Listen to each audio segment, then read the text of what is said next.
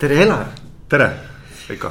äge, mul on hea meel sind näha, hea meel, et saime kokku, eelmine kord läks nagu teistmoodi, et ma unustasin ära lausa meie kohtumise, aga. aga näed, nüüd olen siin, väga hea. nüüd on õige aeg järelikult. ja, et äh, kuidas ma sind sisse juhatan, ma tean, et sul on äh, oma, oma väike koolitusbutiik, koolituskompanii ja toimetad ka ülikooliga, oled äh, seal tegev ja mis sa veel teed, kuidas, kuidas, kuidas sa iseennast nagu, kui keegi küsib, et Elar, kuule, millega tegeled? no ma ise ikka näen ennast nagu mentorina. mentorina, jah. et äh, ja, ja ma võib-olla vähem tegelen nagu üksikisiku või meeskonnaga ja rohkem need põhilised projektid, millega ma hõivatud olen, koolitan vähem, aga põhiliselt on need konsultatsiooniprojektid, mis siis, kus nagu fookuses on terve ettevõte korraga see küll alati sisaldab ka midagi nagu üksikisiku tasemel, midagi alati sisaldab ka nõustamist, konsulteerimist, coaching ut, miks mitte ka meeskonna tasemel, aga alati fookus on nagu süsteem kui tervik. järjest rohkem, et kui me räägime, kui ma räägin, kui mina räägin süsteemist, siis ma ei mõtle isegi enam ettevõtet, vaid ka nende partnereid mm. -hmm. ja noh, tehnilise poole pealt see on noh põhi, põhi, põhi nagu sihuke väljakutse on, et kuidas saada kõik need osapooled, kes seda lõpptulemust mõjutavad, siis sellesse vestlusesse mm. -hmm. et kuidas selle tulemuse saavutamise üle -hmm,. okei ja sul on äh,, sul on, kuidas sa ülikooliga seotud oled äh,? tegin kunagi paar aastat tagasi abikaasaga kokkuleppe, et nelikümmend tundi aastas maksimaalselt nii et äh, loen loenguid, teemaks on organisatsiooni arendamine organisatsiooni arengu juhtimine, noh, kuna see on lihtsalt see teema, mis paar aastat tagasi mu lauale tuli, et ma saan aru, et see, mida ma teen, et see on organisatsiooni arendamine. noh, see termin, et yeah. käisin erinevatel psühholoogide konverentsidel, vaatasin, et ee, see kuidagi ei ole ikka päris see päris elu ja siis käisin seal noh, erinevate dis distsipliinide konverentsidel vaatasin, no ei ole see noh. et võib-olla performance management'i konverents oli kõige nagu lähedasem, aga see ei olnud ikka see, et mm, -hmm. et ei olnud nagu piisavalt nagu sellist terviklikku vaadet asjadele, ikka oli sihuke jupikene mingisugusest suurest protsessist, et siis see organisatsiooni arendamise see teadussuund siis oli see, kus ma mõtlesin, aa, selge, see on see, mis ma teen ja see on see, mis nagu minu, minule. kas see on, kas see on kuidagi, ma ei taha küll sinna väga sügavale minna, aga et kas see on kuidagi seotud selle organisatsiooni käitumisega ka või? absoluutselt mm, -hmm. et, äh, et see on distsipliin, mis võtab kokku üksikisiku, meeskonna, ettevõtte, ettevõtete süsteemid või noh, ütleme sellised noh mm -hmm., hankija kogu selle, kogu selle ahela, et ta vaatab nagu tervikut alati. väärtusahela nii-öelda võtab kokku mm. -hmm. ja samaaegselt nii üksikisikust tulenevad mingid loogikad kui ka siis sellest meeskonnast, kui ka siis sellest suuremast grupist tulevad loogikad, et. et eesmärk on, kuidas ehitada paremaid organisatsioone, mis saaksid nagu kiiremini hakkama, paremini selles muutuvas keskkonnas hakkama mm. -hmm. tooksid kõikidele osapooltele rohkem väärtust, töötajatele, juhtidele, omanikele miks mitte koostööpartneritele mm. -hmm. aga kui sa ütlesid mentor ütlesid, et sa nagu näed ennast nagu mentori rollis. et kui sa kirjeldad nagu, et noh, et, et mis siis see sinu selline äh, nagu osa selles kogu selles äh, klientide aitamises on, et mis, mismoodi sa näed mentorina ennast ähm.? rasked küsimused on sul et äh, jah, et erinevad siin coach'id, nagu need valdkonnad on kuidagi paremini ennast defineerinud, et. et ma olen nagu selles mõttes, et kas ütleme tippjuhtkonnale või siis mingile, mingile, mingile osale inimestele nagu see. mõnes mõttes nagu sparringupartner, et kellega ideid testida, teisest küljest, kui on ideede testimise faas läbi, siis aitan asju ellu viia, noh niimoodi, et küünarnukkidena ise, ise nagu tegevuses sees, et ma ei distantseeru ennast sellest mingist probleemist, mida lahendatakse aga samal ajal ma ei tööta ka nagu päriselt seal. on sihuke vahepeal nagu sihuke mm. -hmm. aga need on pikaajalised sellised suhted jah? Äh, jaa, kuskil aastas mingi paar projekti ma suudan teha, lihtsalt rohkemaks aega pole, aga enamasti nad on. praegu mõtlen, mis mul käsil on, nad pigem on kaks, kolm, neli aastat, kõige pikem vist on juba kolm pool aastat, et mm. -hmm. et areng on äge olnud, selle ettevõtte juht varsti tuleb ka konverentsidele rääkima. et mis ta siis kõik seal teinud on, et aga noh et see ongi selline, et, et see ei ole nagu, et mina õpetan kedagi, noh konsultandi rolli nagu nähakse sellena, et noh, et tule ütle, kuidas teha siis mm. -hmm. et võta see raamat, kuula ära meie probleem, siis anna meile see teekaart, et kuidas siis see probleem lahendada ja siis noh, me siis kas lahendame ise ära või siis tuled aitad seda ellu ka viia, et. et anna nagu ravim või nagu arst, lähen arsti juurde, näe köha, et noh, võta siis köharavi, et. et viis, viis, five steps to become successful no,. ja midagi sellist jah, et, et see on nagu kuidagi mitte et Eestis, vaid ka mujal olnud sihuke nägemus, et mis on konsultant. Ja ma olen ka seda teinud. aga probleem on selles, et, et iga inimkooslus on niivõrd keeruline. et see, kui ma noh, et sa ütled, sul on köha, et okei okay,, ma annan sulle köharohu, et siis tegelikult ei pruugi seda köha üldse ära viia mm. -hmm. see põhjus on hoopis kuskil mujal. võib-olla see põhjus on hoopis mingi elustiilis ja noh, kuskil väga-väga kaugemal sellest, mida sa ise üldse aru saad ja see ongi minu roll pigem noh, mõista, mõista seda süsteemi kui tervikut ja siis olles seal osa sellest süsteemist küll natukene eemal. Et see värske pilt nagu võimaldab mul aru saada, mis tegelikult siis värk on, kus see, kus see, kus see probleem pihta hakkab. ja sellise lähenemise võlu ongi see, et noh, et noh, nagu sa ise tead, et ühe inimese muutmine, noh näiteks võtame juhi ja tippjuht, et oleks vaja nagu mingit, mingit oskust arendada, et läheks ettevõte paremaks. et see ikka võtab aega ja see ei ole nagu ülearu lihtne protsess mm. -hmm. et selliste nagu see, mida mina teen, et see võlu ongi selles, et keegi ei muutugi peaaegu, aga muutuvad uskumused ja muutuvad need, need mustrid, mille, millega nagu suheldakse, kuidas, kuidas asju aetakse. ja ühtäkki sa näed, et väga kiire aja jooksul, noh, ma räägin tavaliselt paarist kuust võib-olla isegi, on tunda juba sihuke uskumatu nagu samm edasi. ja kõik vaatavad, et me ei ole midagi teinud. meil mitu klienti on, ongi mingi, mingi perioodi lõpus öelnud, et me ei ole nagu midagi teinud, aga kõik on teistmoodi Mm. kõik on sellised, mida, mida me tahaksime rohkem saada, et kõik on selline, mis meile kõigile nagu sobib, et kõik on nagu natuke õnnelikumad, et. Kasum on nagu parem ja palgad on nagu paremad ja omavahelised suhted on paremad ja turuosa on kuidagi kasvanud ootamatult suuremaks, mis tegime? just nagu mitte midagi, vot see ongi see.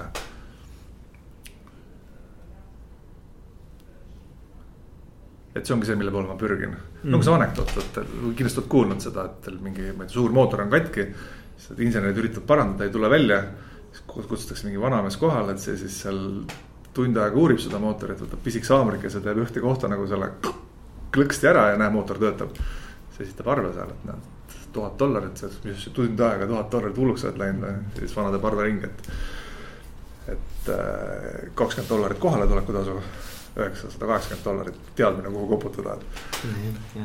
et see on see, millest ma usun ja senimaani nagu praktika on kinnitanud, et igas inimsüsteemis selleks, et saavutada midagi, midagi väga palju rohkem seda, mida tahetakse. Ei ole vaja seal midagi välja vahetada, mingeid hulle süsteeme, rasked ja, ja vastumeelsed mingeid noh, muutusi sisse viia. et tuleb aru saada, et mis see koht on, nagu sa õige koha peal koputad, siis noh, ütleme üks-kaks kuud ja see tulemus, noh, mida, mida kõik näevad, et see on nagu sihuke vau, et mm. -hmm. ma tean seda, et sul on äh sa, sa kasutad ühte metoodikat, millest ma kindlasti tahtsin täna rääkida. millest? Appre appreciative inquiry.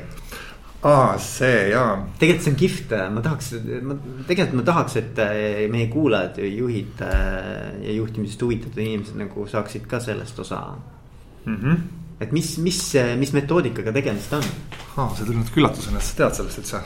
tead üldse küsida, et kus sa kuulnud oled no kuule, sa oled toonud ka ühe selle venna, kes, kes, ma ei mäleta, mis ta nimi oli, aga et kes on selle guru nii-öelda maailmas Eestisse ka toonud või? Äh, ja, ma võib-olla hakkan otsast pihta siis, et selle Appreciate Inquiry'ga on väga huvitav lugu. see on, ütleme, sellise organisatsiooni arendamise alusteooriatest. ta on võib-olla viimasel ajal järjest nagu rohkem domineerivaks saanud. ja ta on saanud sel põhjusel, et neuroteadus areneb mm. -hmm. et ta loodi kuskil kaheksakümnendate keskpaigal seal siukses väga lah-, siukses vabalt mõtlevas ülikoolis vabalt mõtlevad professorid tegid selle konsultatsiooniprojekti ja siis märkasid teatud, teatud loogikaid inimeste käitumises. Ja, ja mis see põhi nagu see loog, mõtlen, mis see äh,. noh, mina nagu jälle see on see, kuidas mina seda tõlgendan, et lihtsalt kirjeldada, et mis see põhiideoloogia on, et kui me räägime organisatsioonidest, appreciate inquiry'st, siis on see, et. et inimesed üldiselt ei ärka hommikul üles mõttega, et kuidas see ettevõte põhja lasta või kuidas sellele tiimile mingit käru keerata või. kuidas oma tööd võimalikult halvasti kuidas oma tööd võimalikult halvasti teha.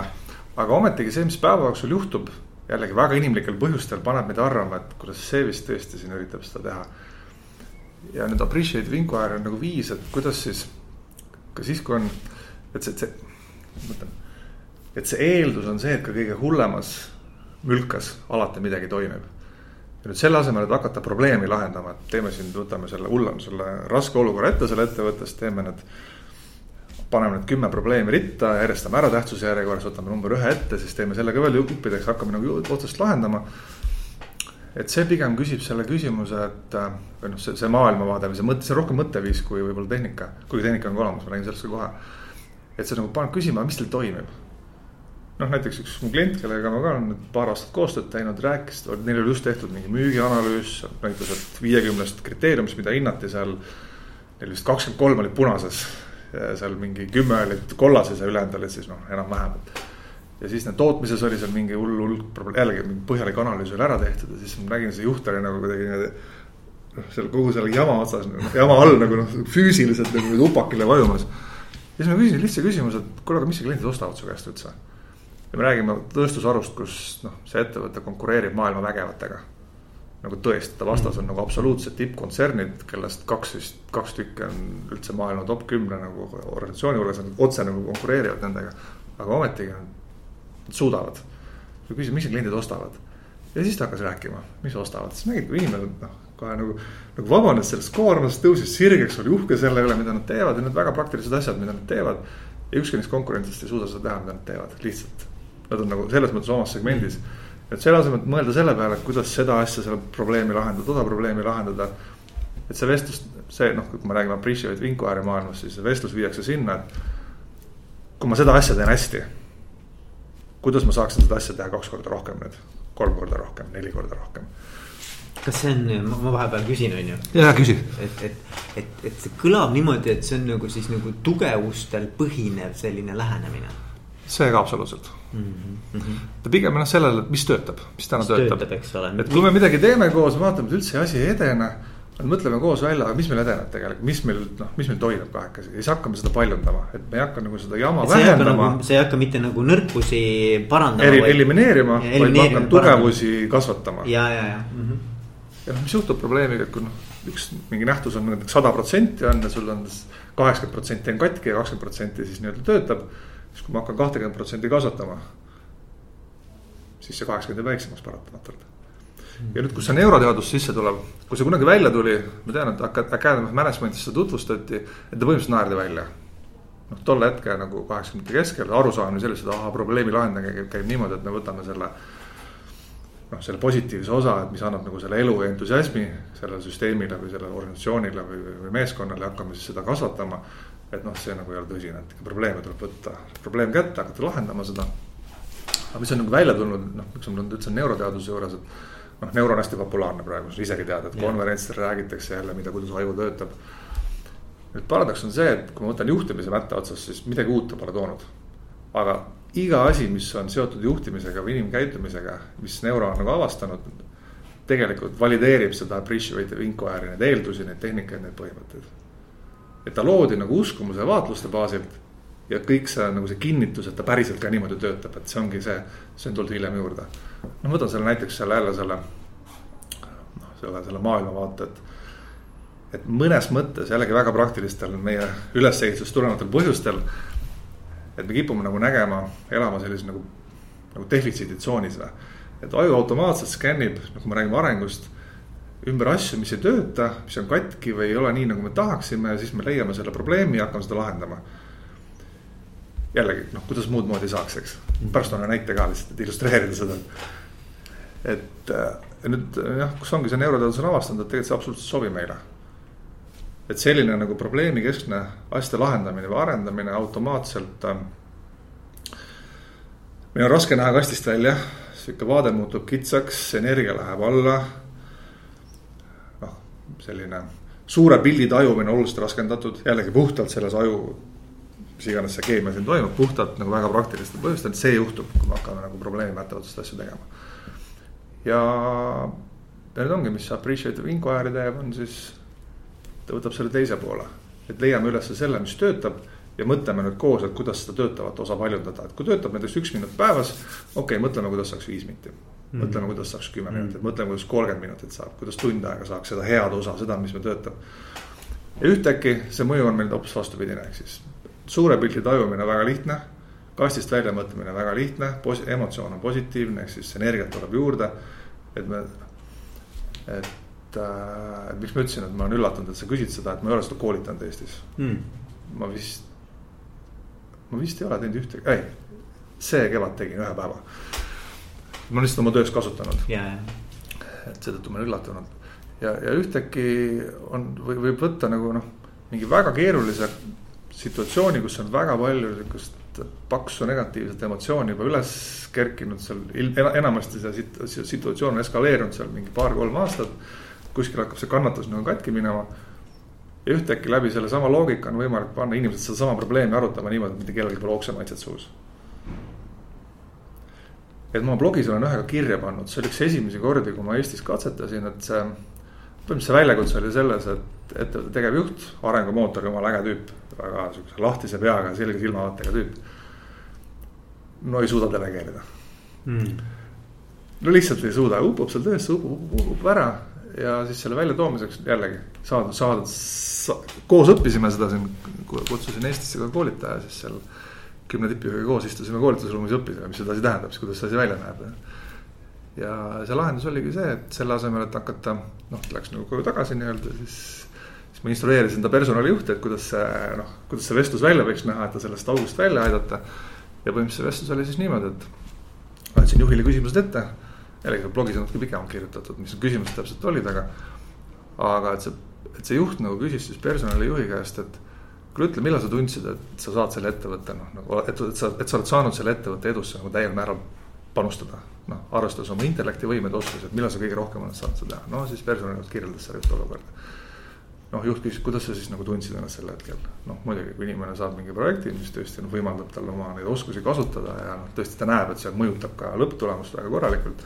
noh, ikka õnnelik, et usaldati ja väga hea noh, õppimise kohta kõik siuksed asjad.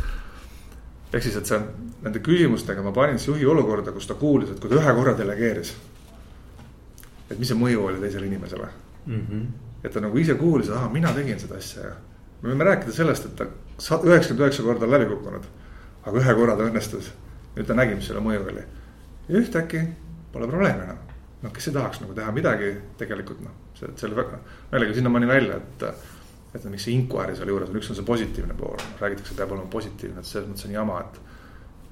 Appreciative inquiry, tähtsam osa on inquiry ehk arusaamine, et, et mis oli see mõju kuidas see mõju tekkis ja kuidas me saame seda siis noh, kui sa väga sügaval tasemel, kuidas me saame seda uuesti korrata mm. -hmm ja ühtäkki tuli välja, et väga lihtne on see. et kogu see delegeerimine, väga lihtne, lihtsalt on vaja tema puhul, selle ettevõtte puhul selles kontekstis oli vaja teha üks, kaks, kolm asja ja punkt. ühtäkki ta sai hakkama. ja kogu siis, nagu elu, elu nagu muutus. aga kas siis ütleme siis, et nagu tema, ütleme selle näite puhul, eks ole, mis on väga hea, et on konkreetne näide et kas see tugevus oli siis eh, tal nagu endal teadvustamata nagu või? ei vot ma räägingi, et see tugevustel baseerumine, see on jällegi, see on nagu sama, natuke sama ideoloogiaga, aga kuskilt mujalt tuleb. Mis see appreciative inquiry on see, et alati midagi töötab. et ärme õpime kuskilt väljastpoolt, ärme leiame kellegi teise mingisuguseid oskusi. ja ärme õpime ka iseenda vigadest, vaid õpime iseenda õnnestumistest aa, okei okay,, aga kas, kas see tähendab seda, et ta tegelikult oli õnnestunud delegeerijana? ühe korra aga ta lihtsalt oli selle enda jaoks nagu ei, mitte teadvustanud. ei, seda teadis, aga lihtsalt üheksakümmend üheksa korda oli ebaõnnestunud ja üks kord õnnestunud, noh tinglikult küll, eks. eks bilanss oli selgelt punane okay.. asjad on väga halvasti okay., aga selle asemel, et analüüsida, kuule, miks sa siis ei suutnud seal või miks sul see välja ei tulnud ja mis sul vaja on, et see jälle nagu välja tuleks. võtsime ette selle korra, kui tal õnnestus okei okay, okay.. ja õppis ja siis ta õppis selle pealt ise. okei okay,, ma püüan veel ümber siis sõnastada oma, oma selle arusaamise, ütle, kas see on õige. ühesõnaga, küsimus ei olegi selles, et kas see tal tuleb hästi välja või halvasti välja. küsimus on selles, et leia üks kord kasvõi, kus see tegelikult on välja tulnud. täpselt. Aa, okei okay.. ja see ei pea olema perfektne, see võib olla ka noh, ligadi-logadi välja tulnud, aga see on minu, aga see on minu parim kogemus. parim, eks ole, ja, ja. ja ma õpin selle pealt. selle ja sa võtad selle nagu mudeliks mõnes mõttes jah, sa hakkad selle pealt nagu õppima. jah, võtan selle nagu materjaliks, mida siis, milles ringi kaevata, leida see miks see siis õnnestus, mis see okay. võimalikuks tegi. see on huvitav, see on, see on väga huvitav. ja selle pealt edasi minna. ja, ja, ja, ja ma, ma, ma, ma täiesti mõistan seda, sest et noh, ütleme, kui me räägime näiteks, et, et noh. Üks teema, mis coaching us näiteks on tugev, on see, et, et kui inimesel on näiteks pidev pidev selline tunne näiteks, et enesekindlus on puudu või enese, noh vähe on mhm. enesekindlust, eks ole. Siis, siis samamoodi tegelikult äh, me, me keskendume nendele elusituatsioonidele, kus ta on tundnud ennast enesekindlana. ja me viime ta sinna sellesse samasse meeleseisundisse, samasse nii-öelda nagu noh, et, et, et ta nagu tunnetaks uuesti, saaks kontakti selle tundega. ütleme jah, et, et vähemalt need, ütleme need suured need coaching'u koolkonnad noh, üks on see Erikson, eks. kes seal veel on see. no tegelikult neid palju. No kes on nagu brändidena ka nagu levinud, et näiteks Erikson on pärit Seattle'ist. vabandust, Erikson on pärit äh, Kanadast, sealt Vancouverist. sellesama Appreciate Inquiry üks selle loomise juures olnud inimene, keda peetakse nagu top kümneks nagu nii teaduslikus arendajaks kui ka siis konsultandina praktiseerijaks on ka sealtsamalt pärit. Okay nii et seal on väga selge nagu, nagu ideede ja, ja sihuke võnge on kuidagi sees. ja, ja, ja ja sama tegelikult teised ka ma tean, et seal on väga noh, tihe, tihe suhtlus käib seal. kuidas see appreciative inquiry eesti keeles on? ma ei ole siiamaani suutnud seda tõlkida et sest, et iga tõlge teeb asja ainult hullemaks, nii et.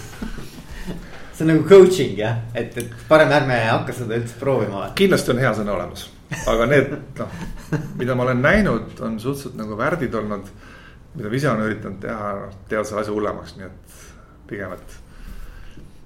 et ma võtan seda sellisena, et kahest sõnast koosnev asi, appreciate on siis see, et. et inimesed üldiselt ei ärka hommikul üles mõttega, et kuidas see ettevõte põhja lasta. kas see tähendab seda nagu, et, et inimeste tegelik nii-öelda kavatsus on alati hea, et, et me eeldame, et inimesed tahavad teha head tööd, inimesed tulevad tööle selleks, et anda nagu väärtust. ja enamasti küll jah no just, et see, see on nagu see, see baasuskumus seal all. see on see baasuskumus, jah. Aga see hea baseerub siis sellele, et mida noh, kuidas ma olen asjadest aru saanud, võib-olla selle juurde läheme hiljem, et see. see mental models ja see lood, mis meie peas on, mis defineerivad ja. meie jaoks hea ja halva. ei, nüüd küsimus ongi, ei, ei vaata, küsimus ongi selles, et mõni inimene mitte mõni, tähendab, inimesel on soov on hea, kavatsus on hea, aga ta on õppinud ära mingisuguse just nimelt story või mingi meta, mingisuguse mudeli, eks ole, kuidas elus nagu siis toime saa-, toime tulla. Eh, hea, isegi heade kavatsuste puhul, aga see, see õpitud mudel nagu lihtsalt eh, nagu ei toimi. jah, või ma arvan, et toimib, aga teised vaatavad, et äh, ei toimi, et, et sa teed jumala valesti. et see appreciate on see uskumus, et sa, et, et midagi alati toimib et kõige hullemas, kas ettevõttes, kõige hullemas meeskonnas või kõige noh, mida sa sõna öelda, kõige hullema inimese juures midagi alati teed, seal kuskil on see positiivne osa, mis tuleb üles leida. ja Inquiry jällegi, seda positiivsust on natukene üle kuidagi minu arust nagu üle ekspluateeritud, üle nagu rõhutatud. et sellest räägitakse, peab olema positiivne, ma nimetan seda toksiliseks positiivsuseks mm. -hmm. jällegi, et Inquiry, see, see positiivsus on väga oluline, aga see peab tulema koos selle inquiry osaga, inquiry nüüd siis. noh, see ingliskeelne sõna tuleb, ütleme kui Briti valitsus avastaks mingi ilge jama kusagilt. et siis ta kutsuks kokku inquiry, sihuke tõsine uurimine, et nagu, nagu politsei uurimine. süvaaudit. sihuke süvaaudit, hästi põhjalik, hästi, hästi, hästi range, vot see on nagu inquiry mm. -hmm ehk siis, kui seda nagu seda viimast osa, seda süvauurimist ei juhtu, siis kogu see positiivsus võib rahulikult prügikasti visata kuule, sorry, kas, kas sul on mingi teine näide ka, üks oli see delegeerimise näide, mis mis on siuksed nagu no, mõni, mõni näide veel, et inimesed ah, võib-olla, kes ma, kuulavad, saavad nagu paremini aru. aa, hästi lihtne näide. ühes ettevõttes oli teemaks oli siis, et juht kutsus me välja, et teemaks oli äh, nende kõnekeskuse teeninduse kvaliteet, noh, hästi palju tööd tehti läbi kõnekeskuse. noh, müügimees tegi oma töö ära, siis kõnekeskus siis teenindas ja tegi seal väiksemaid protseduure ja. ja numbrid näitasid, et noh, vilets on ja, ja siis, mis see juhtkond tahtis, tol hetkel ma veel tegelesin uuringutega päris palju, täna ma üldse ei tegele. nagu ma ütlen selle kohta niimoodi, et noh, ettevõte, kas sa tahad uurida midagi või sa tahad tulemusi homme saada, et. noh, kas sul on aega aasta otsa uurida või sa tahad juba homme tulemusi saada mm., tead, see uurimisel noh, me teeme seda teistmoodi. ja siis nad tahtsid ka seda uuringut, aga ma siis olin juba nagu oma teel edasi sammumas, juba uued nagu paremad töö, tundus, et paremad tööriistad on käes, et. ja siis selle asemel, et, et seal seda uuringusse liiga, liiga palju sisse minna siis ma läksin äh, eesliini juurde ja palusin siis tiimliideritel teha selline, et iga inimene peale iga kõne lõppu kliendiga küsiks, et mis teile meeldib meie teenuse juures kõige rohkem mm.. see oli üks küsimus, teine küsimus, mis te rohkem tahaksite meilt saada, noh meilt kui sellelt kõnekeskuse operaatorilt mm. -hmm. või ettevõtted, vahet pole. kaks küs-, avatud küsimust, mis teile kõige rohkem meeldib meie juures, paar asja yeah. ja mis te rohkem tahaksite saada yeah,. Yeah ja ühtegi juhtus see, et kui uuring kohale jõudis sinna ülesse, siis seal vaadati, ahah, mingid valdkonnad, probleemid hakkame lahendama. muutus tegelikult oli toimunud juba all.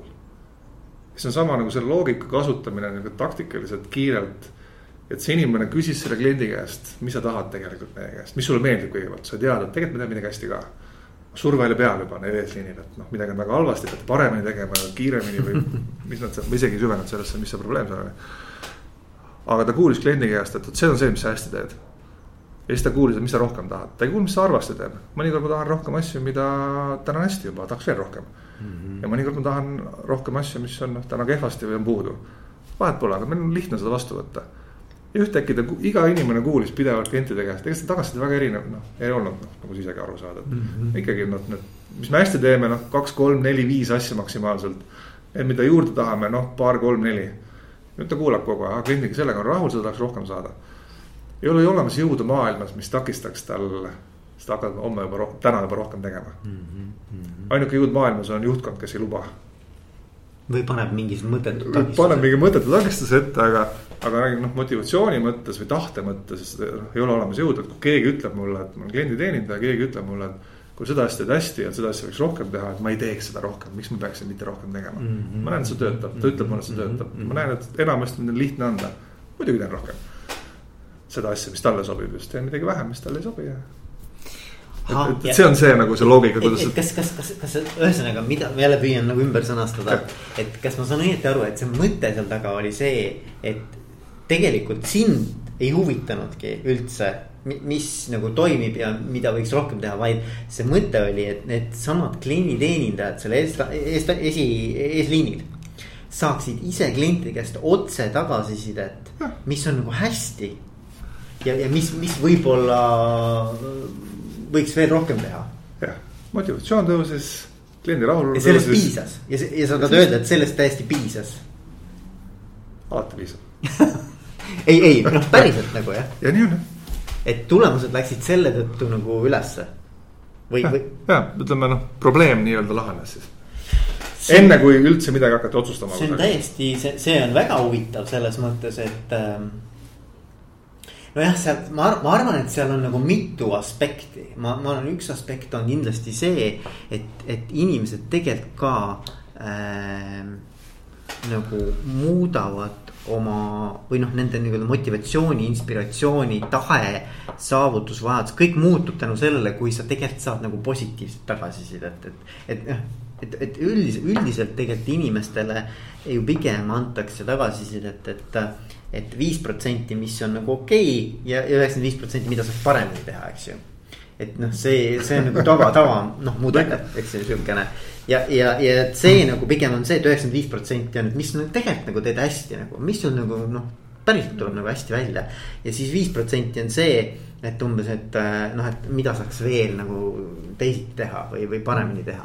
Jah, no ma jällegi natuke tõmbaksin tagasi selles positiivses osas et mis okay. selles küsimusse oli sisse kodeeritud jälle kaks asja, üks oli see, et positiivse nurga alt, aga teine oli see, et see on see. see uurimine okay., see uudishimu, et räägi ja, mulle, mida me teeme hästi sinu arvates, räägi mulle, mis sa rohkem tahaksid. ja, ja, ja. et kaks asja koos alati. see on hästi jah, see on põnev, see on väga põnev äh, ja, ja võib-olla see mõjutas kliente ka, vaata, küsimus on selles, et, et. muidugi mõjutas ma teadsin, et mõjutab ei, ega tegelikult ka selles mõttes, et, et kui, kui sa küsid nagu kliendi käest arvamust. ja kui sa küsid veel seda, et ta, ta tegelikult peab nagu ütlema midagi hästi mm. -hmm. siis, siis see paratamatult mõjutab juba iseenesest tema seda nägemust sest fakt on see, et alati midagi on hästi. kui ei, kõik no, oleks halvasti, siis ta ei, ei. ostaks sealt mitte midagi mitte kunagi. aga midagi alati toimub. jah, ja see fookus, nüüd on küsimus, kuhu fookus läheb, eks ole. jah, ja mida ma arendan mm. -hmm. või kus otsast ma seda arengule lähen, et kas ma hakkan seal analüüsima neid probleemkohti ja neid lahendama või siis ma võtan oma tugevuse ja vaatan, kuidas selle pealt nagu veel kaugemale jõuda. nii et. väga põnev, väga põnev ja. aga ma võin kui sa räägid tagasisidest, ma võin ühe näite veel tuua lihtsalt. Äh, Riias tegin koolitust ja siis seal koolitusel osales äh,, pärast räägin, mis koolitus see oli äh,. sama inimene, kes õpetas mulle seda appreciate inquiry't siin Eestis, tuli nagu see on nagu see koolitus on siis nagu appreciate inquiry nagu edasi. Kõva, kõva, kõva. Ta on nagu täiesti noh, nagu, nagu kümme sammu edasi, aga. aga siis ta nagu kuidagi, vestlesime siis äh, ühe osa juures ja ta tõi nagu huvitava ühesõnaga küsis huvitava küsimuse ja ma vastasin sellele jällegi ühe asjana, mida ma pole kuskile kirja pannud ega. Ega ma ei ole ka väga kasutanud oma koolitustel, ainult siis ütleme noh, oma konsultatsiooniklientide juures, tegelikult neile kõigile meeldinud. et kuidas anda siis jällegi sellesama mätta otsas seda negatiivset tagasisidet. esimene etapp, mõtle, et mida sa tahaksid sellest inimesest rohkem saada äh noh, et midagi, mida ta võiks rohkem teha, et ta on midagi teinud kunagi aasta tagasi või kolm aastat tagasi, kasvõi natukene. aga tegelikult sa tahaksid, et ta teeks rohkem, vahet pole, kas on su alluv, kolleeg, su juht. nii, mõtle see välja. nii, teine, äh, mine kirjelda talle seda, mis ta tegi. noh, konkreetselt, et mis, mis siis juhtus, mida ta tegi täpselt. kolmas etapp, kirjelda, mis oli mõju sulle. noh, tegi su elu lihtsamaks, tegi su rõõmsamaks, kuidagi aitas mingisugusest raskest kohast välja ja neljas, ütle talle, et mitte ära täna, vaid ütle, et kuule, sa võiks seda rohkem teha. et jällegi noh, et nüüd sa kindlasti küsid, et aga kus see negatiivne osa siis on. Et ma võiksin ka mõelda selle, et kuule, Veiko, sa teed ühe korra ainult aastas seda asja. tegelikult sa võiksid teha kümme korda päevas. et kuule, tee noh, et võta nüüd kokku ennast, et aga jällegi seesama, see loogika on selles, et ma ütlen sulle, sa tegid seda, kasvu selle aasta aega tagasi, nii kaua kui mina mäletan, piisab. ma kirjeldan sulle seda olukorda mm, -hmm. et sa, et sulle ka meelde tuleks, ma kirjeldan sulle, mis oli mõju mulle mm. -hmm. ilmselt mul on meeles, sest mõju oli positiivne, muidu ma ei valiks seda. et tundsin ennast paremini ja siis lihtsalt, et palun, et kuule, tee seda rohkem.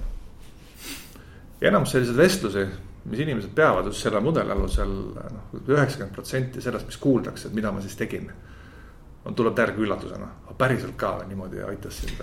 see on huvitav ja, ja sa, sa nagu avad mõnes mõttes teise inimese jaoks nagu selle, mis võib-olla tema ise ei ole üldse tähele pannud, et, et, et, et. et seda inimesed hindavad, et nagu, et just see konkreetne ja, asi, eks ole. just ja mina tegin seda sulle. ja, ja. ja mõju. päriselt ka siukse mõjuga, muidugi ma tahan rohkem teha. ja, ja ei, see on õige jah, jah, aga sa tead Marshall Goldsmith on ju, sa tead sellist venda, Marshall ja. Goldsmithi tal on üks sihukene huvitav tagasiside mudel nagu feed forward.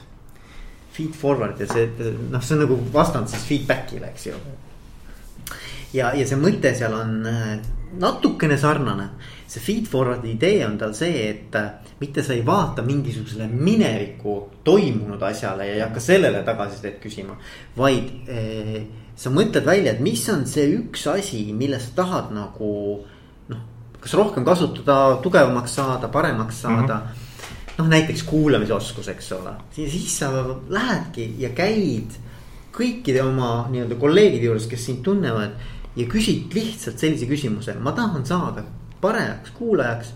kas sul on mulle üks soovitus anda? ja mm -hmm. siis sa kuulad selle soovituse ära isegi kui sul tekib see tunne, et ma tahaks nüüd midagi vastu öelda või noh, et tahaks midagi hakata seal nagu noh, kuidagimoodi vaidlema või, või veel täpsustama midagi. ütled lihtsalt aitäh ja lähed järgmise juurde ja küsid täpselt sama ja sa käid nagu noh, see võtab vähe, väga vähe aega. ja käid need inimesed läbi ja sa saad igavese hunniku häid ideid, kuidas tegelikult nagu need inimesed, kes sind iga päev näevad, eks ju.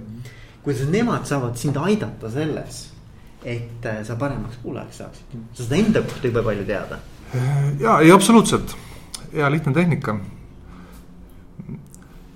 noh, nüüd toon jällegi lihtsalt, et jälle lihtsalt nagu maailmavaateliselt jälle panna üks teine asi kõrvale, et. et noh, räägitakse, et nagu muutus on raske inimestel, oled nõus? väga paljudeks, inimesed, muutus on ikka raske. inimesed, inimesed ei taha muutuda jah. ja selles mõttes on jama, täielikult jällegi et kui ma usun seda, noh, kui see on seal nagu lugu, mis, mida kõik usuvad, siis ongi, ahah, mingi muutus on ees, ahah, nüüd lähebki nagu oksemaitse suus ja nüüd veri, veri põrandal ja noh, tuleb ära teha, et pole midagi hullu. tegelikult inimesed paradoksid. ehk siis, et meile mõnes mõttes meeldib turvalisus, see on fakt. noh, noh, kui sa mõtled, kas oma hommikute peale, et kui erinevad nad on, ei ole väga erinevad kell tiriseb seal, kella tiriseb kaks korda, kella tiriseb kolm korda, kes ärkab esimese korra peale üles, aga iga hommik saab samamoodi. mis selle kella tirinal siis jätkub, see on nagu sihuke automaatprogramm, et. et me tahame sihukest turvalisust, etteaimatavust, äh, süsteemsust, loogilisust, ka noh, ettevõtete sees ikkagi juhid on kõva surve all, et teeme ikka nii, nagu noh, on tehtud mm. -hmm. noh, see on nagu harjumuspärane juba, et see on normaalne mm. -hmm. et see on nagu üks osa paradoksist.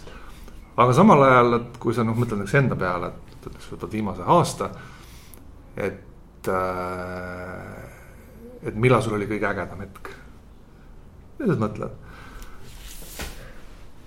ja nüüd see nagu paradoks ongi selles, et väga vähe inimesed, inimesi, noh, kui, kui palud, kui ma palun neil valida, et noh, et.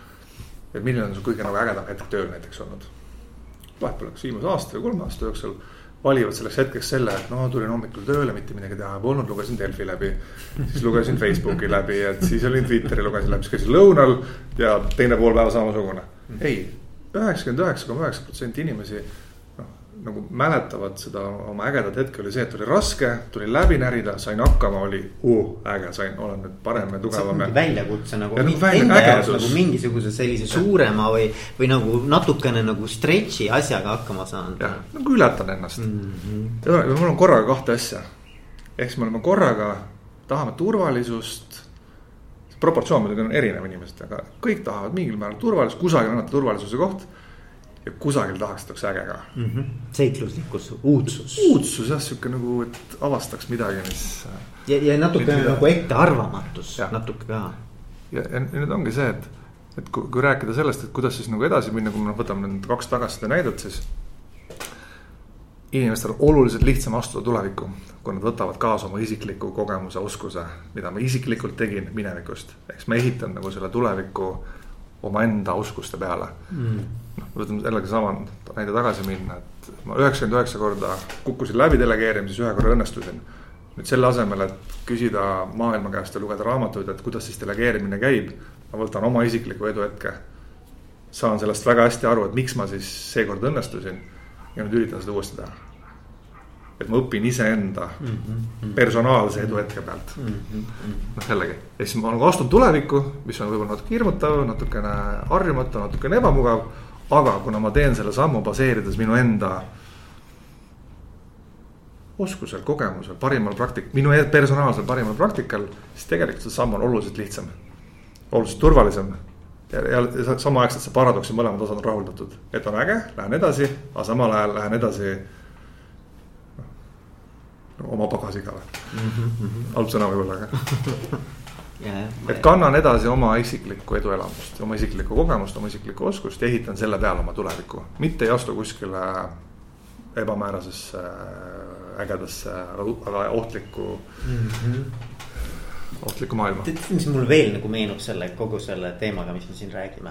meenub see, kuidas üks äh, minu äh, vestluskaaslane, kellega ma podcast'i tegin, rääkis nagu autentsusest ja autents nagu ol, et ma, et noh, juhid või, või peaksid olema autentsed.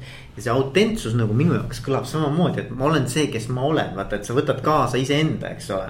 et, et nagu, et, et selles on mingi tohutu vaba, vabanemine või tohutu nagu, et sa ei pea olema juhina keegi teine. noh, et, et mul ei ole nagu mingisugust nagu ideaalarusaamist, milline see juht peab olema, vaid ja, sina oled. nii teed, siis sa oled tubli, kui sa nii teed, siis sa oled halb ja, ja kuhu punkt. just, et, et nagu, et kujutate, kui, kui palju lihtsamaks kogu elu läheb, kui sa annaksid endale õiguse olla see, kes sa oled ja võtta sealt need parimad asjad. et nagu, et nagu, et, et, et mitte nagu püüda nüüd olla nagu mingi maskiga või mingisuguses rollis nagu väga selline joonlaud kõhus vend, eks ju. vaid et, et just nimelt, et õpi ennast tundma, mis on sinu tugevused, eks ju, ja kasuta neid. et see, see ongi kõige parem juhtimine. jah, tegelikult see ongi et see kõlab hästi nagu sarnaselt. ja, aga see kõlab sarnaselt jälle sellepärast, et ka need, kes arendavad seda autentset juhtimist. Need maailmad on nagu väga seotud just persoonide tasemel, nende liidrite tasemel, kes seda, seda veavad ja seda mõtteviisi ja mõtteviisi edendavad, nii, nii uurivad kui ka konsulteerivad, kõik on alati teadlane, konsultant ühes, ühes paketis, et ma ei tea ühtegi, kes oleks puhtalt nii-öelda akadeemia poole peal või puhtalt konsultatsiooni poole peal mm, -hmm. kõik ikkagi. see on uus, see on veel defineerimata, on väga palju nii-öelda nii kontseptuaalset tööd vaja teha, kui ka siis seda sisulist, no kuidas sa päriselus treenida siis seda asja. nii et see, et nad kõlavad sarnaselt, ongi, et nad tegelikult on väga. tippude tasemel ja. väga, väga seotud kogukonnad. nagu maailmavaateliselt nagu sarnased. Süda on kindlasti samas kohas, jah, maailmavaade on sama, samasugune. Ja ka teatud osa teoreetilisest platvormist, millega toetatakse, ikkagi on väga, väga selgelt sarnane mm. -hmm. aga võib-olla see maailmavaade või see uskumus on, on, on võib-olla kõige olulisem mm. -hmm. ma mõtlen seda, et vaata, me oleme siin nüüd päris palju rääkinud sellises nagu ütleme, sihukeses noh, nagu äh, high level tasemel, eks ju, aga kui nüüd ütleme, kuulajad mõtlevad, et okei okay,, Elar, väga äge on ju. Tahan ka seda Brigitte Vinkuri äh, inquiry sellist nii-öelda nagu lähenemist proovida siis, siis noh, et, et kui anda nagu mingi hästi lihtne selline praktiline nagu soovitus, et, et mida inimesed, kes siis tahaksid seda natukene nagu enda peal katsetada. et mida nad võiksid nagu teha, mis mõni sihuke nagu harjutus, mõni, mõni mingi praktiline mõte. Eh, mõni küsimus, millele vastata, proovida midagi, noh et... mm. -hmm. Mm jällegi, kuna seal on mõtteviis ja tehnika kuidagi koos ja samal ajal mõtteviis on nagu natuke tähtsam kui tehnika isegi, siis ma annan võib-olla mõlema poole kohta. mõnes mõttes oh,, ütleme seal mõtteviisi mõttes, kui sa oled näiteks, kui sa oled juht, sulle tundub, et mingi meeskond või mingi inimene täiesti jaburalt käitub, teeb täiesti valesid otsuseid. et siis küsi endalt see küsimus, et kas ta ärkas hommikul üles mõttega, et kuidas see ettevõte põhja lasta või kuidas mulle personaalselt juhina käkke keerata ja kui see vastus sinu sees on see, et vist ikka ei ärganud. et siis mine küsi. lihtsalt avatud meelega, et kuule, et räägi mulle ära, et, et miks sa teed nii, nagu sa teed. et mina vaatan seda ja minu jaoks on see jabur, aga ma tahan päriselt aru saada, et noh. miks sa teed nii, nagu sa teed, ma usun, et sa teed seda sellepärast, et sul sinu jaoks see nagu tundub kõige õigem tee olevat yeah.. ma tahaks aru saada sellest.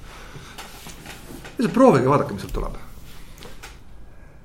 See on väga suur õppimise koht ja seda, ma saan, seda on nagu lihtne öelda, raske teha just sellepärast, et kuna kõigil meil peas on omad mingid mõttemustrid, et siis tahaks nagu nii-öelda õiget vastust teiselt poolt kuulda, et. aga just, et säilitada see avatud meel, et tõesti aru saada, et miks ta teeb nii, nagu ta teeb. teades, et ta ilmselt enda arvates teeb maailma kõige paremat asja mm, -hmm. suure tõenäosusega mm. -hmm. ja vaadata, mis tuleb.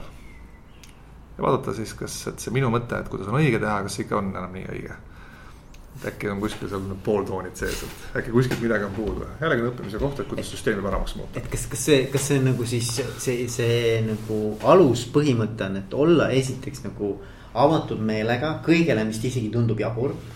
E, ja, ja püüda aru saada, mis selle inimese jaoks toimib selles. et..., miks ta teeb, miks ta selle otsuse langetab. tal ilmselgelt, ilmselgelt on endal arusaamine, et see toimib. peaks toimima. täpselt et, et, et sellest aru saada ja või. et see on õige, see, see on hea, see viib heasse kohta, kõik võidavad sellest. ja kui mulle tundub, et ta tegelikult teeb vastupidi, siis minna ja küsida, et kuule seleta mulle ära, et noh, mis su loogika selle taga on. ja, ja, ja, ja võib-olla ongi seal taga mingi loogika või võib-olla. mitte võib-olla, vaid kindlasti. see loogika võib kaks asja tulla, esiteks, et minu vaade võib-olla oligi poolik.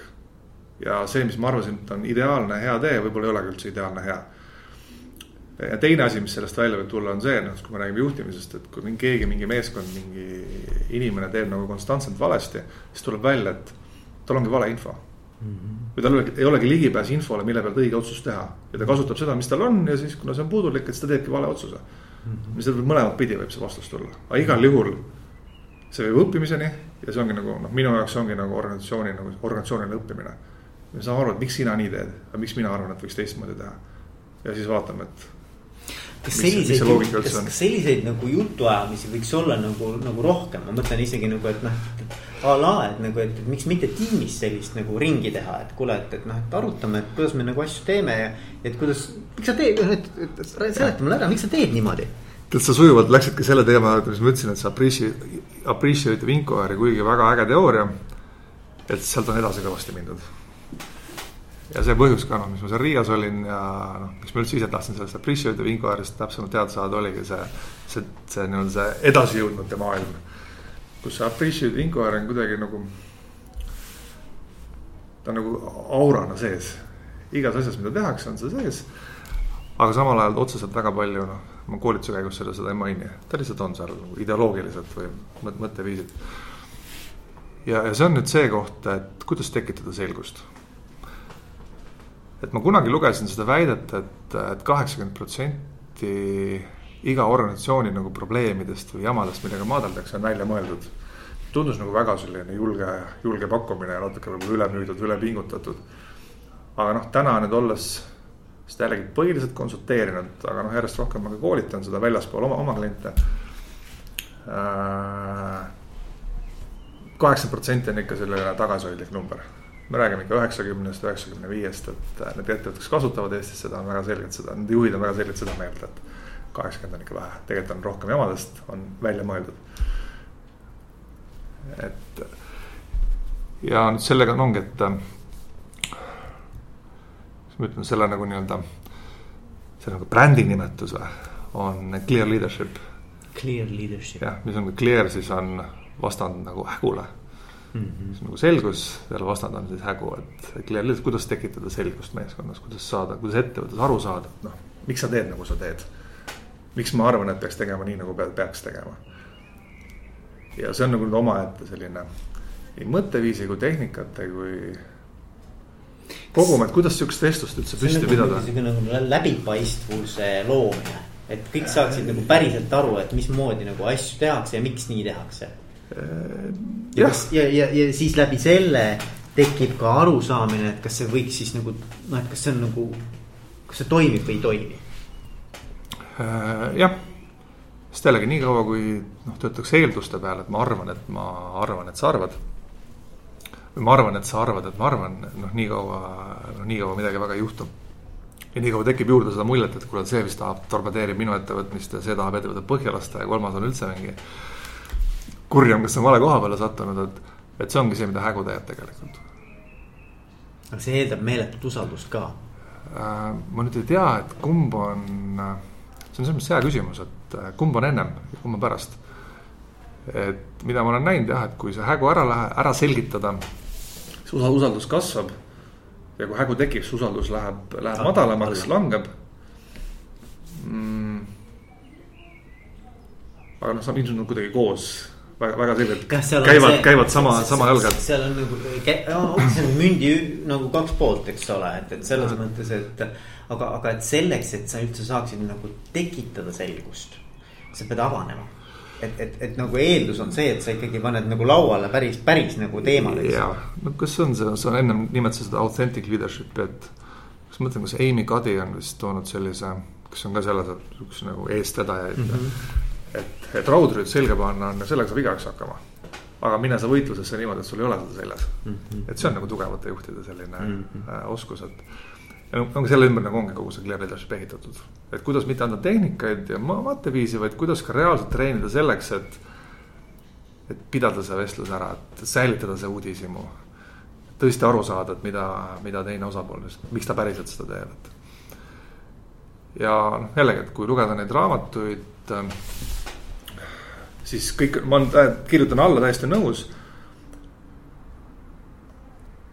aga sinna jõudmine ikka nõuab omajagu tööd no, just ise, ise, iseendaga, et see on väga palju teadlikkust, väga palju enda sissevaatamist. nagu ühe Eesti, väga ägeda Eesti ettevõtte juht ütles, et ma arvan, me olime seal koolitusel vist kolmandal päeval. ütles, et pagan, et ma siin maadlen ühe probleemiga, teise, kolmanda, neljandaga, kõik on enda tekitatud. Et kui ma ise lõpetan teatud asjade tegemise, siis need asjad lihtsalt kaovad ära ja neid rohkem juurde ei teki. ja noh, tegelikult ajalugu on näidanud, et tal oli täiesti õigus et see, see tase nagu on, tase on ikka oluliselt tõusnud.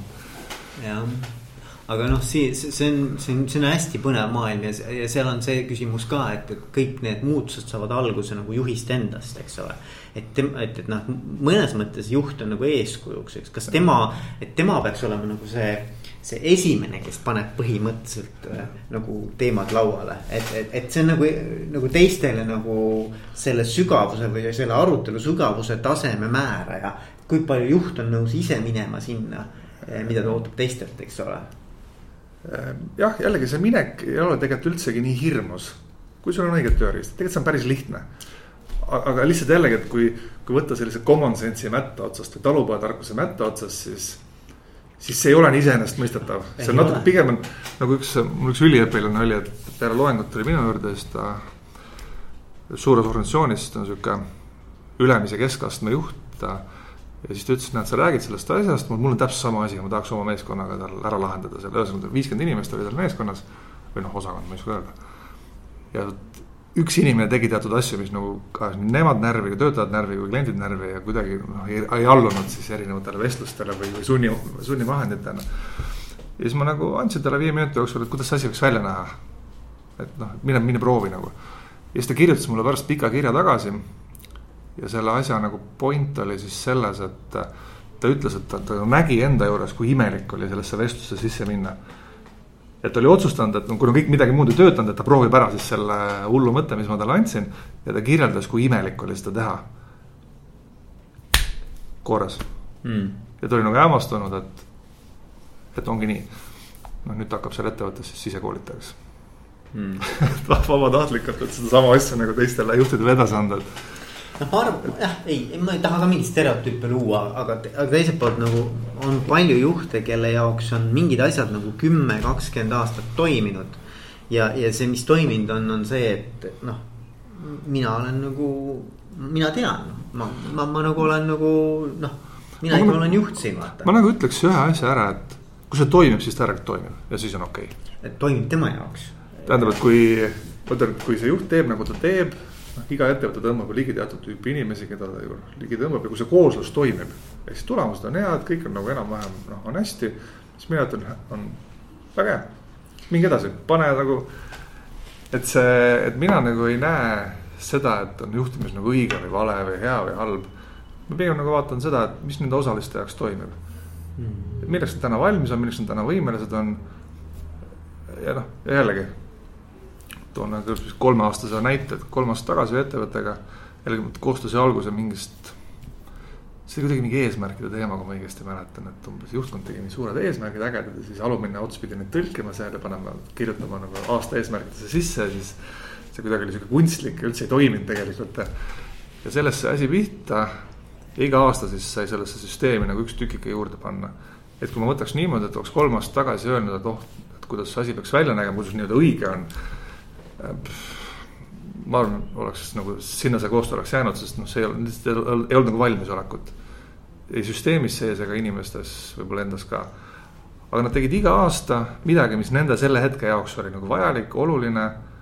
Nad iga aasta nagu panid nagu oma, oma süsteemile nagu selle noh, mingi asja juurde mm. -hmm. ja see aasta nad tegid nagu ise järgmine sammu juba noh, see aasta ma ütlen, et viis, võib-olla väikse miinusega aga samas jällegi see, mis nad tegid, võib-olla noh, vaadata jällegi anda hinnangut, et võib-olla esimene aasta sai tehtud mingi asi, mis oli, ma ei tea, kolm miinus äkki või kaks isegi. mis vahet seal on, nad tegid nagu tohutu arenguhüppe. noh, teine aasta nad olid juba noh, kõvasti mhm. paremad, noh hakkad jällegi hindeid panema. Mhm. aga see ei ole tähtis, tähtis on see, et asi, mis on tehtud, viis neid edasi uuele tasemele, uuele tasemele, uuele tasemele. ja täna nad teevad juba asju, mis noh, tunnen uhkust nende üle mm. -hmm. kontsern vaatab nende peale, ütleb, et ta on kontsernist üle kasvanud natukene, et on nagu rohkem küpsed ja rohkem nagu mm. -hmm. rohkem asjades kodus kui võib-olla see emafirma, kes neid, kes neid on, ju, juhib, et. mis me omaette probleemidega noh jällegi, et ma nagu üritan, jällegi see on raske teha. üritan nagu eemaldada sellest, et õige või vale, haige või terve, katkine või, või mitte ma, katkine, vaid lihtsalt on nagu on. Ja mõtleme, mis te rohkem tahate jah, ma, ma, ma olen nõus, et kui toimib midagi, sedasi tegelikult need asjad ka õpitaksegi ära, eks ole, et mis toimib, see jääbki külge, eks. aga nüüd võib-olla noh, mida mina olen ka näinud, on see, et noh, mingil hetkel nagu see enam ei toimi, aga siis hakkab selline nagu eh, konna keetmise nagu efekt, eks ole. see on teine asi jah. et, et, et noh, et ei toimi, aga ei toimi mitte nii, tähendab nii nii palju ikkagi toimib, et ikkagi samamoodi jätkatakse. aga see, see kurv on allapoole vaikselt, vaikselt, vaikselt, vaikselt, vaikselt ja ühel hetkel on ligi hilja, vaata. ja seda küll jah. aga noh, see on nüüd jälle see osa meist, et tahaks nagu turvalisust, tahaks ära proovitud asju. ja siis ei oskagi nagu muud moodi sellest mugavustsoonist välja astuda, et. sest ma tean, et mugavustsoonist välja astumine on noh, natuke öka või natuke vastik ja natuke riskantne. kas ma olen varem valesti teinud. just ja samas küsimus on ka see, et okei okay,, aga kui ma nüüd teen teistmoodi kes ütleb mulle, et veel hullemaks ei lähe et, et nagu ei päris. et võib-olla hullemaks jah. absoluutselt, sest et see tundub võõras mulle, tundub, et noh, nii ei ole, ei ole nagu õige teha. noh, jällegi parem varblane peos kui tuvi katusel. sama, sama jällegi seesama see, see, see, see, see, see osa meie paradoksist, et tahaks nagu turvalisust ja kindlust ja, ja. stabiilsust ja sellist etteennustatavust. nüüd ongi, kõik nagu taandub sellele, et kuidas see arengu, mõnes mõttes mitte kõik, aga palju sellele, et kuidas see arengu samm teha niimoodi, et seda öka maitset ei oleks, et see risk ja. oleks talutav. et see kasutaks ära minu olemasolevad oskused, noh, kui kõik vaatavad nagu ma ei tea. Jeff Bezose poole vaatavad, oi küll on äge, no mina küll nagu nii kõrgel. see ei ole nagu motivatsioon enamus inimeste jaoks mm., mis nagu viiks kuskile edasi, et. ja no paradoksaalsel kombel meie enda sees seda oskust ja motivatsiooni, mille pealt areneda on nagu üle pea kuule, aga Elar, äge on olnud rääkida, kas on midagi, mida ma ei ole küsinud, aga sa tahaksid nagu jätta kuulajatele veel midagi, mingisugune asi närida, mingi mõte, mingi sõnum. võib-olla ka mida, mida sa oled juba öelnud, aga et noh, midagi rõhutada. see on jälle raske küsimus. ma nagu, ma ütleks seda, et. et me alahindame, kui me räägime organisatsioonide arendamisest üldse arengust, et minu arust on alahinnatud see üksteise kogemusest õppimine. Et kuidagi see, kui keegi mingi äge tüüp kuskilt Ameerikast teeb mingi raamatut, vot tehke nii, vot tehke vot neid asju täpselt nii, nagu meie teeme, siis läheb hästi, et see kuidagi on selline olulisem teadmine kui see, mis me ise oleme siin teinud oma mõtte otsas, et minu arvates vastupidi mm. -hmm. et see oskus õppida just minu noh, kui ma olen juht, et just minu kui juhi, just minu kui selle ettevõtte sellisest, mis meie jaoks töötab mm. -hmm. Jällegi, see õppimine eeldab seda, et me avalikult räägime, kuidas asjad on, mõnikord sulle ei meeldi, mis me teeme, sa pead julgema selle välja öelda ja ma pean julgema seda kuulata ka. sest kohe, kui sa ütled mulle midagi sellist, et kuule, see on koosolek on täitsa jama, kuidas me teeme asju. ja ma tunnen, et see on nagu minu kivi, minu kapsaaeda, hakkan sulle siis seletama siin, et kuule, kõik on jumala valesti aru saanud, tegelikult see koosolek on maailma kõige ägedam et sa peaks olema nii inspireeritud ja motiveeritud peale selle koosoleku, sest et nemad on ju kõik. või sa võid mõelda, et ahah, sul on midagi minu vastu, hakkad nagu personaalselt võtma asja. Jah, et kas see on minu vastu või lihtsalt, et teistele ei meeldi, kuidas siis sulle ei meeldi, kuule, mis see jama, ma räägin nüüd aeglaselt uuesti, mis kõik juhtub, et miks sa peaks olema motiveeritud ja kõik mm.. et, et sellised nagu seigad, lihtsad asjad, need kuidagi äh, muudavad selle üksteise kogemusest õppimise või nagu noh, nagu selle organisatsiooni koosloomise kuidagi raskeks, kui mitte võimatuks. ja siis lõpeb ikka niimoodi, et mina olen juht, mina tean. ma müün sulle maha oma mõtte. kui sa ostad kiiresti ära, sa oled tubli. Kui sind tuleb kolm korda veenda, siis sa oled veel nagu tubli, aga neljandat korda me enam ei hakka, et siis vaatame mõne särava, särava pliiatsi siia. et, et siis, siis see kaob ära. ja noh, ma räägin, miks see nagu oluline on, et. et kui ma vaatan neid olukordi, noh viimased kolm-neli aastat põhiteema, millega ma ettevõttes tegelenud olen, on see, et, et areng on kiire olnud. ja siis nagu iga nagu lisanduv klient on kuidagi valus. Ta ei suuda nagu mahtu vastu võtta või, või on kogu organisatsioon kiiresti kasvanud ja just nagu tagatuba on korrast ära läinud. et ja siis kõik nagu ütlevad, ütlevad, oh peaks nagu pidurit tõmbama vahepeal siin noh, paneme pausi peale ja siis vaatame edasi. ja see paradoks on siis selles, et tegelikult ei ole vaja pausi teha. see on lihtsalt oskus, et kuidas käigu pealt seda asja korrastada et üks, üks vestlus korraga. nagu siukse mikro, mikrotasandil ja üllatavalt tõhus on see mm. -hmm. Rääkida nagu arengu või õppimise mm -hmm. toetamise, organisatsioonilise arengu või organisatsioonilise õppimise toetamisest, üllatavalt tõhus mm. -hmm. Okay. aga näeb väga teistsugune välja, nii et äh, et õppida iseenda nagu lähimate kolleegide, tiimikaaslaste nagu kogemustest rohkem jah, ja kogemuse all ma mõtlen seda, noh näiteks. istume koos, et sa ütled, kuidas sul on, noh sina ütled no päris põnev on praegu. -hmm. teine ütleb, et aa kuule, täitsa jama on, et vaatan edasi mulle üldse ei sobi mm, -hmm. need asjad on nagu paremad. Just see kogemus, et kuidas ma siin ja praegu mm -hmm. seda asja näen, mis me siin teeme mm. -hmm. et mis nagu pani südame põksuma, mis nagu pani haigutama ja siis sealt vaadata, et kuidas paremini saab. mul, mul selle, selle peale ma ütlen viimase mõttena, siis me tõmbame otsad kokku, et, et mul tuli meelde, kuidas ma rääkisin äh, Linnar Viigiga, äh, kes ütles, et neil Pocopays on äh, tiimi iganädalane koosolek, kus iga tiimiliige peab vastama sellisele küsimusele. Mis oli minu eelmise nädala kõige suurem läbikukkumine ja mis ma õppisin sellest? ja, ja noh, läbikukkumine noh Mm -hmm. ühesõnaga midagi, mis ei tulnud nii välja, nagu ma tahtsin mm. -hmm. ja, ja, ja, ja mida ma õppisin, tegelikult noh, samamoodi organisatsioonile õppimine, ülikõva noh. absoluutselt. ja tegelikult õpetab ka äh, Äh, õpetab ka olema äh, nõrk või et on okei okay teha asju võib-olla mõnikord nagu noh, mitte nii nagu nagu, nagu tahaks, on ju. nii kaua, kui ma õpin sellest. ja, ja see point ongi selles, et sa õpid. nii kaua, kui ma õpin sellest, see on okei okay,, aga kui ma ei õpi, siis noh. ei no kui sa tuled. kuri, kuritahtlik ressursi raiskamine. kui sa tuled neli nädalat järjest ühe sama teemaga siis ja siis ilmselt ei õpi jah. nagu küsimus, et kuule, et oot-oot-oot, et mis toimub nagu. et aga, aga selline mõte. kuule, aga äge, äge, Elar, aitäh sulle. aitäh sulle kutsumast. ja,